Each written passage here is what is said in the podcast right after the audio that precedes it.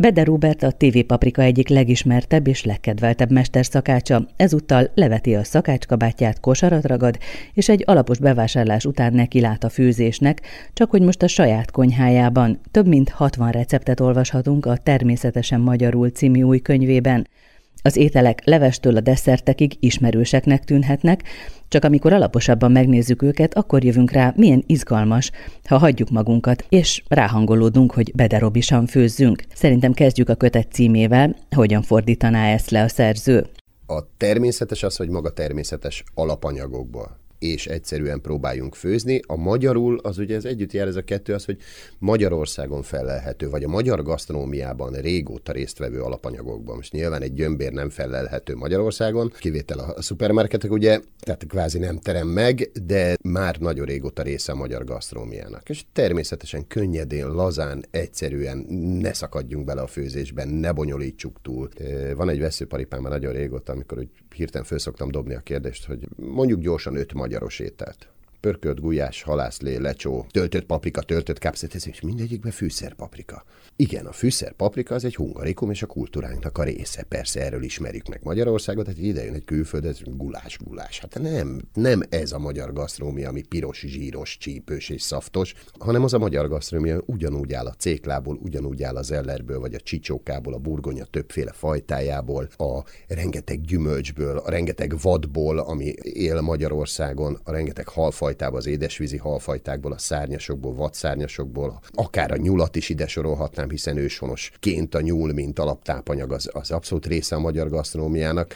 És jó, persze édes tésztákat a kutatások szerint, meg különböző süteményeket, ezeket ugye a reneszánsz kora óta a Mátyás korában érkezett alján szakácsoktól tanulva hasznosítjuk a magyar gasztronómiában, meg hát a török hódítóktól is nagyon sok dolgot átvettünk, de én azt gondolom, hogy ezek mind a magyar konyha szerves részei több száz éve. Annyira örülök, hogy mondta ezt a reneszánszkort, mert hogyha az ember végignézi, csak beleszagol ebbe a könyvbe, van egy olyan érzése, mint hogyha egy ilyen reneszánsz udvarban lenne. Annyira változatos. Elfelejtettük, hogy bizonyos alapanyagokat így is föl lehet használni. Igen. Nekem nagyon nagy kedvencem például a cékla. Jó, hát a cékla, akkor savanyított cékla, és akkor mindenki savanyúságba gondolkozik. Jó, most nyilván azért a gasztronómia azért nyílik, meg nagyon szép öles léptekkel fejlődik. Magyarországon is a gasztronómia, az éttermek, a Michelin csillagok, a különböző versenyek, de tehát céklából levest, italt, pürét. Egy egyszerű, a óriási kedvencem az a köret, a könyve is benne van, hogy amikor megfőzöm, vagy megsütöm netán sókérekbe a céklát, most momentán itt éppen megfőztem, és utána föl van vágva, hogy meg van pirítva egy nagyon kevés olajban, vagy netán vajban, valami friss fűszerrel, vagy gyömbérrel esetleg meg van dobva, és azt a céklát tesszük köretként, egy más zöldséggel kiegészítve esetleg, és picit dobjuk le ezt a rizs krumpli tészta szent háromságot, mert,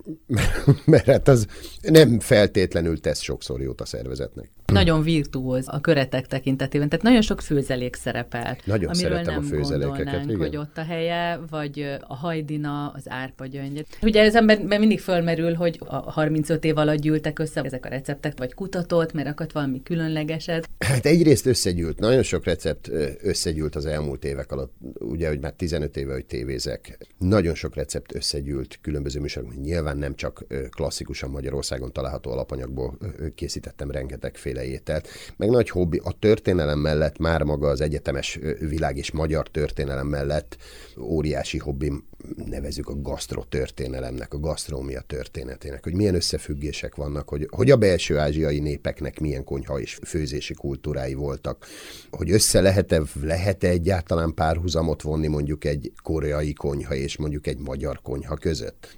Erről jókat lehet vitatkozni, jó kis dolgokat lehet találni, könyvekben, szaklapokban, akár a világhálón, és ez így régóta gyűlik bennem, és ez a könyv tényleg csak egy pici szegmense, tehát elég sok ilyen dolog marad bennem.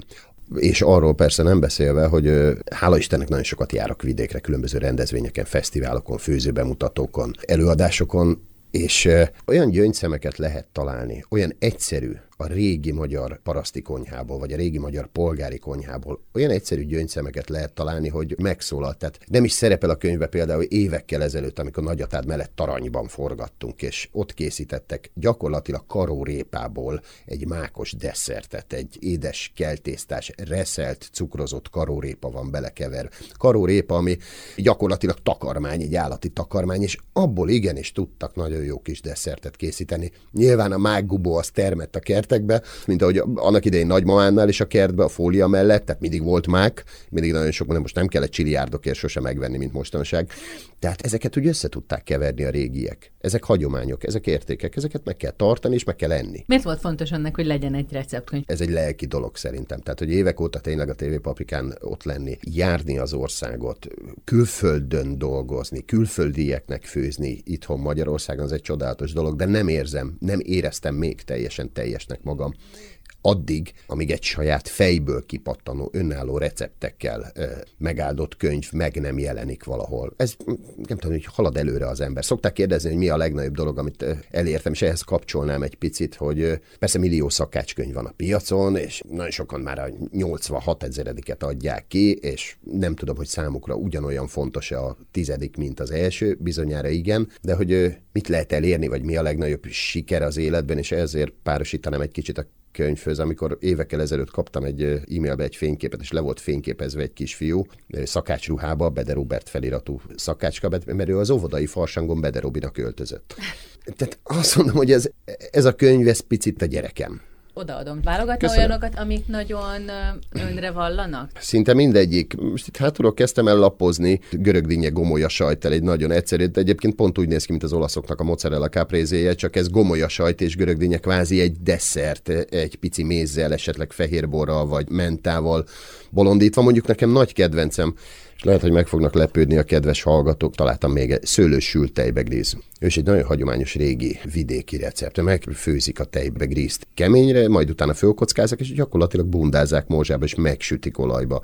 Laktató, tápláló, Hát nem biztos, hogy annyira trendi egyébként, mert főleg a mai mindenféle egészséges korszakban nem feltétlenül trendi, de azt ez zseniális egyébként a desszert, és ez is egy óriási hagyomány. Amit így kapásból tudnék mondani a szerkesztőséggel, meg a felős szerkesztőkkel, ugye beszélgetünk róla, és én győztem meg őket, hogy legyen benne, ugye említettem a fűszerpaprikát, mert a fűszerpaprika mindenhol megjelenik a magyar konyhába nekem nagy kedvencem a fűszerpaprika ettől függetlenül, tehát nem akarom én bántani, de a pacalgújásért kifejezetten küzdöttem. Tényleg, hogy legyen benne? Igen, hogy igenis legyen benne, mert hogy gulyás, gulyás. Főzünk pacalból gulyást. Nagyon jó kis előfőzött babérleveles pacalból, jó fokhagymás pacalból. Főzünk egy jó gulyást, apróra vágva természetesen apró kocka, és rendesen zöldségekkel és egy jó csípős lével körülötte, meg hát azért mondtam, hogy lehet, hogy meg fognak lepődni a kedves hallgatók, borjuláb rántva, ez a klasszikus Hát nem mondom, hogy a 60-as, 70-es évek boldog békeidők, mert ez nem az volt, ezt tudjuk, de hát egy, egy vendéglőbe, egy kockás abroszosba, amikor elment az ember, sőt a mai napig is, amikor eljut egy ilyen étterem, én legalábbis,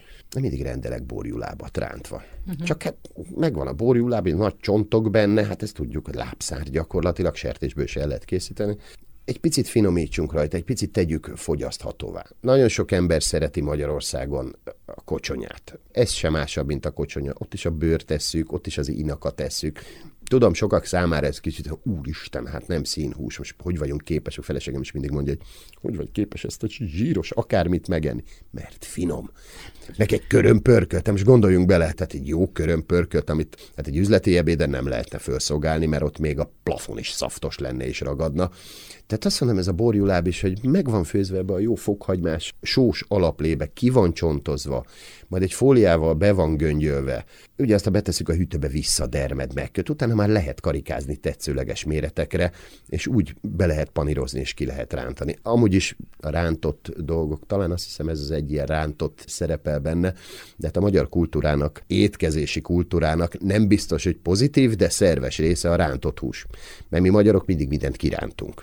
Fogas van még talán panírban, de az kukorica. Kukoricadarában, illetve van egy bundás, azt hiszem egy sörbundás, talán harcsa medvehagymával. És miért lett a füstölcsülökből felfújt? Ez egy tök véletlen volt egyébként, egy műsorra készültünk, és akartam valami nagyon húsosat, de mégse legyen az a, az a snasz csülök. Tehát ne kockázva legyen, ne darabolva legyen, ne szeletelve legyen, ne külön pirítva legyen. Volt, konyafőnök voltam egy étteremben, imádták azt a csülök tálat, hogy füstölt, illetőleg füstöletlen csülök volt külön-külön megfőzve, ezek föl voltak szeletelve, és mindig serpenyőbe rá volt pirítva, és felváltva voltak fölrakva a tányéra. Egy ilyen csülök variáció volt. És csak úgy gondoltam, hogy mi van akkor, hogyha ha én azt ledarálom azt a csülök, hogy nem kell csülökből lenni, lehet ez tarjából is, tehát bármilyen füstölt hús, és a felfújtak, tehát valami lazítva és valami könnyedebbé téve, legyen az zöldség alapanyagból, vagy sajtból, vagy akár valamilyen húsból, azok amúgy is nagy kedvenceim. A leves és a főzelék, amiről azt mondják, hogy uh-huh. a mhm. magyar konyha sajátja, ebből is hihetetlen változatosságot mutat azért ez a könyv. Ez fontos volt önnek? Nagyon, nagyon. Gyerekkoromban szerintem én is, mint, mint a gyerekek nagy többsége, majdnem minden vasárnap végigjátszottam azt, hogy addig föl nem kelsz az asztalt az anyád, úristen, itt még meg nem eszed a levest. Minden gyerek ilyen.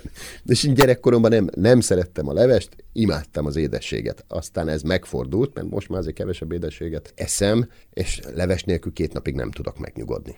Tehát uh-huh. ha két napig véletlenül nem eszem levest, akkor, akkor muszáj. Tehát ha csak egy sima, egyszerű, köménymagos rántott tojás leves éjjel 11-kor egy csésze, ezt muszáj uh-huh. megfőznöm. Tehát megőrülök a jó levesért.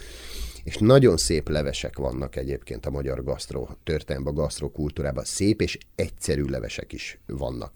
Említett... A szép az az ízre érti? Igen, igen, igen, igen. Mert hát mondjuk egy burger zúza leves, ez minden lehet, csak nem szép. Főleg annak, aki, aki nem annyira szereti az zúzát de viszont ízeiben nagyon gazdag tud lenni. Van paprika krémleves, azon én elcsodálkoztam.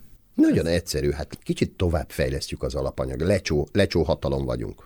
Számtalan lecsó fesztivállal az országba, és Balaton kenesén évekig voltam zsűri elnök lecsó fesztiválon, tehát volt, hogy 90 valahány csapat indult. Tehát Magyarországon mindenki tud lecsót főzni, és azt mondjuk egyébként, bocsánat, hogy elkanyarodtam, hogy tipikus magyaros étel a lecsó. Hát kapaszkodjunk meg, a Lecsó magyar szakácskönyvbe először az 1930-as években jelent meg. Tehát vannak sokkal szervesebb részei a magyar konyhának, és én gondoltam, hogy bátorkodom kipróbálni azt, hogy Lecsó volt az indító, ő volt a katalizátor, az ötletadó, meg a leves szeretetemet, akkor kombináljuk össze a paprikát meg a paradicsomot. Hiszen, hogy egy sült paprika és hagyma és paradicsom van benne, és le van turmixolva, vagy át van passzírozva, kinek hogy kényelmesebb, kinek hogy tetszik, és úgy lehet föltálni. Tehát azokat az ízeket kapjuk vissza egy lecsó krémlevesbe, vagy egy lecsó pürélevesbe, amiket egyébként a lecsóval fogyasztanánk együtt. Némiképpen megváltoztatja az olvasók ízlését, merészebbé teszi őket, mert tényleg olyan érdekes párosítások vannak itt a sárga borsó főzék zellerkockákkal és sült májjal. Én úgy voltam vele, hogy a zeller egy picit könnyít. Az zellert pároljuk meg külön. Ha jól emlékszem, a receptben is úgy van írva, kockázunk, és szórjuk meg vele akár egy feltét gyanánt. És már sárga borsót most el lehet készíteni akár vegetáriánusoknak is.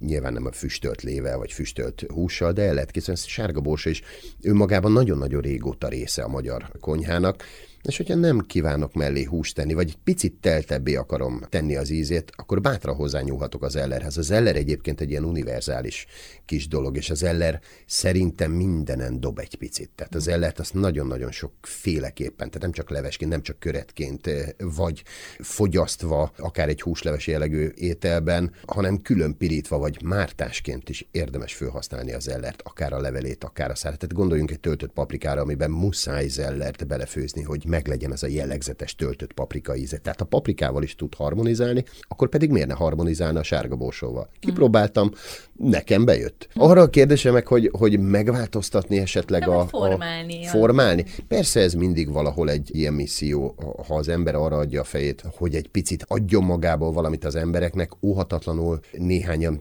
nyilván elkezdik követni és, és fölvenni azt a stílust, illetve azt a fűzési szokást, amit ő maga követ. Igen, lehet változtatni az embereket. Tehát lehet szép lassan terelni őket a változatos étkezés felé. Tehát nagyon érdekes, hogy átlagházi azt, hogy megkérdezünk, hogy mondja már nekem két hétre előre, vagy három hétre előre egy menüt. És akkor elkezdünk gondolkodni, oké, okay, van főzelék, meg van tészta, meg van rántott hús, meg van húsleves, meg van krumplileves, meg, és akkor kész. 8-10 ételnél ez, ez ki fog merülni. És egy mhm. picit itt próbáltam összehúzni, hogy ne vegyük a mirelit meg a fagyasztott ételeket, ne vegyük a feltétlenül szójaszószos mindenféle bonyolultságokat, és locsoljunk össze mindenfélét, mert nem értünk hozzá. Ezek itt vannak, ezekhez legalább értünk egy kicsit. A másik, amit a diákjaimnak is mindig szoktam mondani, és szerintem ez egy nagyon tanulságos volt, amit egy Dél-Franciaországban tanultam, hogy, vagy tapasztaltam, hogy ott például egy étteremben nem azért fog bemenni az a kedves vendég, mert azt zöld paradicsomnak vagy lila padlizsánnak hívják oda. Azért fog bemenni, mert ott a Jean-Pierre a séf. Tehát az ételedben, az ételében az embernek legyen benne az egyénisége. Tegye bele, ha ők azt szeretik, hogy fűszeres és fokhagymás, és hát akár az átlag számára talán picit sós is, mint ahogy a Bederobi szereti, én így főzök, akkor, az én ételemet főzzék így, tehát miattam jöjjön az én egyéniségemére, amit beleteszek az ételbe. És például az, hogy gyümölcsöket használ olyan ételekben is, ami meghökkent itt az olvasót, hogy a húsokhoz nagyon sokszor gyümölcsök vannak, vagy a füge, a kecske sajtal. Ez egy nagyon régi dolog mm. egyébként. Én azt gondolom, hogy az étkezés, meg az ízvilág, meg az ételek eleve a harmóniáról szólnak a harmónia az édes és savanyú, a sós és keserű, tehát a négy, sőt most én ötödik alapízként, mint állítólag kutatások szerint a, a honfoglaló magyarok is az ötödik alapízként a csípőset értelmezték, ugyanúgy, mint az ázsiai népek. Életemben nem ettem olyan csípőset, mint Dél-Koreá Szőulban, amikor dolgoztam, tehát azt, azt hittem, hogy a szemem kipotyog a helyéről, de komolyan mondom, ott mondjuk a koreai is azt mondták, hogy ez, ez azért nekik is combos, de valami bődületesen jó ízvilágot adott már addig, amíg éreztem. Utána már persze nem, de tehát olyan érzés volt, hogy hidegvizet tettem a, a számba, és gyakorlatilag fölfort bennem a víz. Tehát, hogy ez az ízkeresés, ez egy harmónia keresés. Mire törekszik az ember egész életébe? A harmóniára. Akkor lesz nyugalom, akkor lesz békesség, akkor leszünk jóba, akkor fogják szeretni egymást az emberek. Az ízeknél ugyanez van. És hogyha valamibe bele tudunk vinni egy pici kis csavart, az szerintem csak egészíti ezt. Ez az első pontosabban a második könyvem, az elsőt azt, azt társszerzővel Serényi Zsolti barátommal írtuk annak idején, de ez a saját első önálló maradt még bennem, tehát van ötletem egyébként a jövőre nézve több is, hogy, hogy mit szeretnék, és egy, egy picit sztorizósabbat is szeretnék egyszer valamikor, amiben picit több történet, picit több tipp, picit több jó tanács elhangzik a kedves olvasónak. Szokták kérdezni, hogy mi a kedvenc ételem. Nem tudom, mikor mi. Most éppen ezek, amik a könyvben vannak vagy amit éppen sűrűbben készítek el, tehát pestiesen mondva, amire éppen rá vagyok kattanva. Hogy az nyári időszakban, és mondjuk itt tengerparton nyaralok, és akkor az most kagyló, vagy rák, vagy homár, akkor éppen az a kedvencem. Vagy karácsonykor mindig a halászlé a kedvencem. Tehát 23-ától 27-ig én minden nap eszem halászlevet. Szóval ez, ezt nem lehet meg. Imádom a rántot, a sima, egyszerű rántott húst, ez a klasszikus tarjából természetesen zsírban megsütve, mindig vannak aktuális nagy kedvencek. De például a halételekhez, meg mondjuk a nyúlhoz vagy a vadakhoz van kötődése? A halételek kicsit, ahogy úgy, úgy többször is átnézve a recepteket, meg már a leadott anyagot, és így a készkönyvet is megnézve, teljesnek érzem ezt a könyvet, de mondjuk halból lehet, hogy rakhattam volna bele többet, de akkor mondjuk mást kellett volna elvenni. Van ponty, pisztránk, igen, fogas. Igen. Még tudtam volna halat beletenni, Harcsa. mert a halat is nagyon-nagyon szeretem. Egyébként teljesen jog jogosan és a helyzetet tökéletesen átlátva mondta a szerkesztő, hogy halból ennyi, most elég. Majd egyszer, most tegyünk bele inkább mást. Legyen benne két nyúl, legyen egy gerinc, mert az nagy kedvencem, meg legyen egy comb is, legyen benne szárnyas, legyen benne egészben sült. Tehát azért úgy, úgy nagyjából az itinerek meg voltak határozva, ismerve talán a befogadó piacot, hogy mire kíváncsiak az olvasók, vagy akik főzni szeretnének. Én imádok enni, imádok főzni, imádok kóstolni, és hiszem is azt, hogy aki nem szeret főzni, és akkor itt jön be megint a lélek, meg az érzés, meg hogy beletegyük az egyéniséget, hogy aki rutinból főz, az nem fog tudni jó ételt készíteni. Aki nem szeret főzni, az, az igazán jó ízű ételt. Mehető lesz, meg, meg jó lesz, meg bólogatnak rá, hogy oké, okay, köszönöm szépen, finom volt, mert megdicsérik udvariasságban, de az nem lesz olyan átütő sose.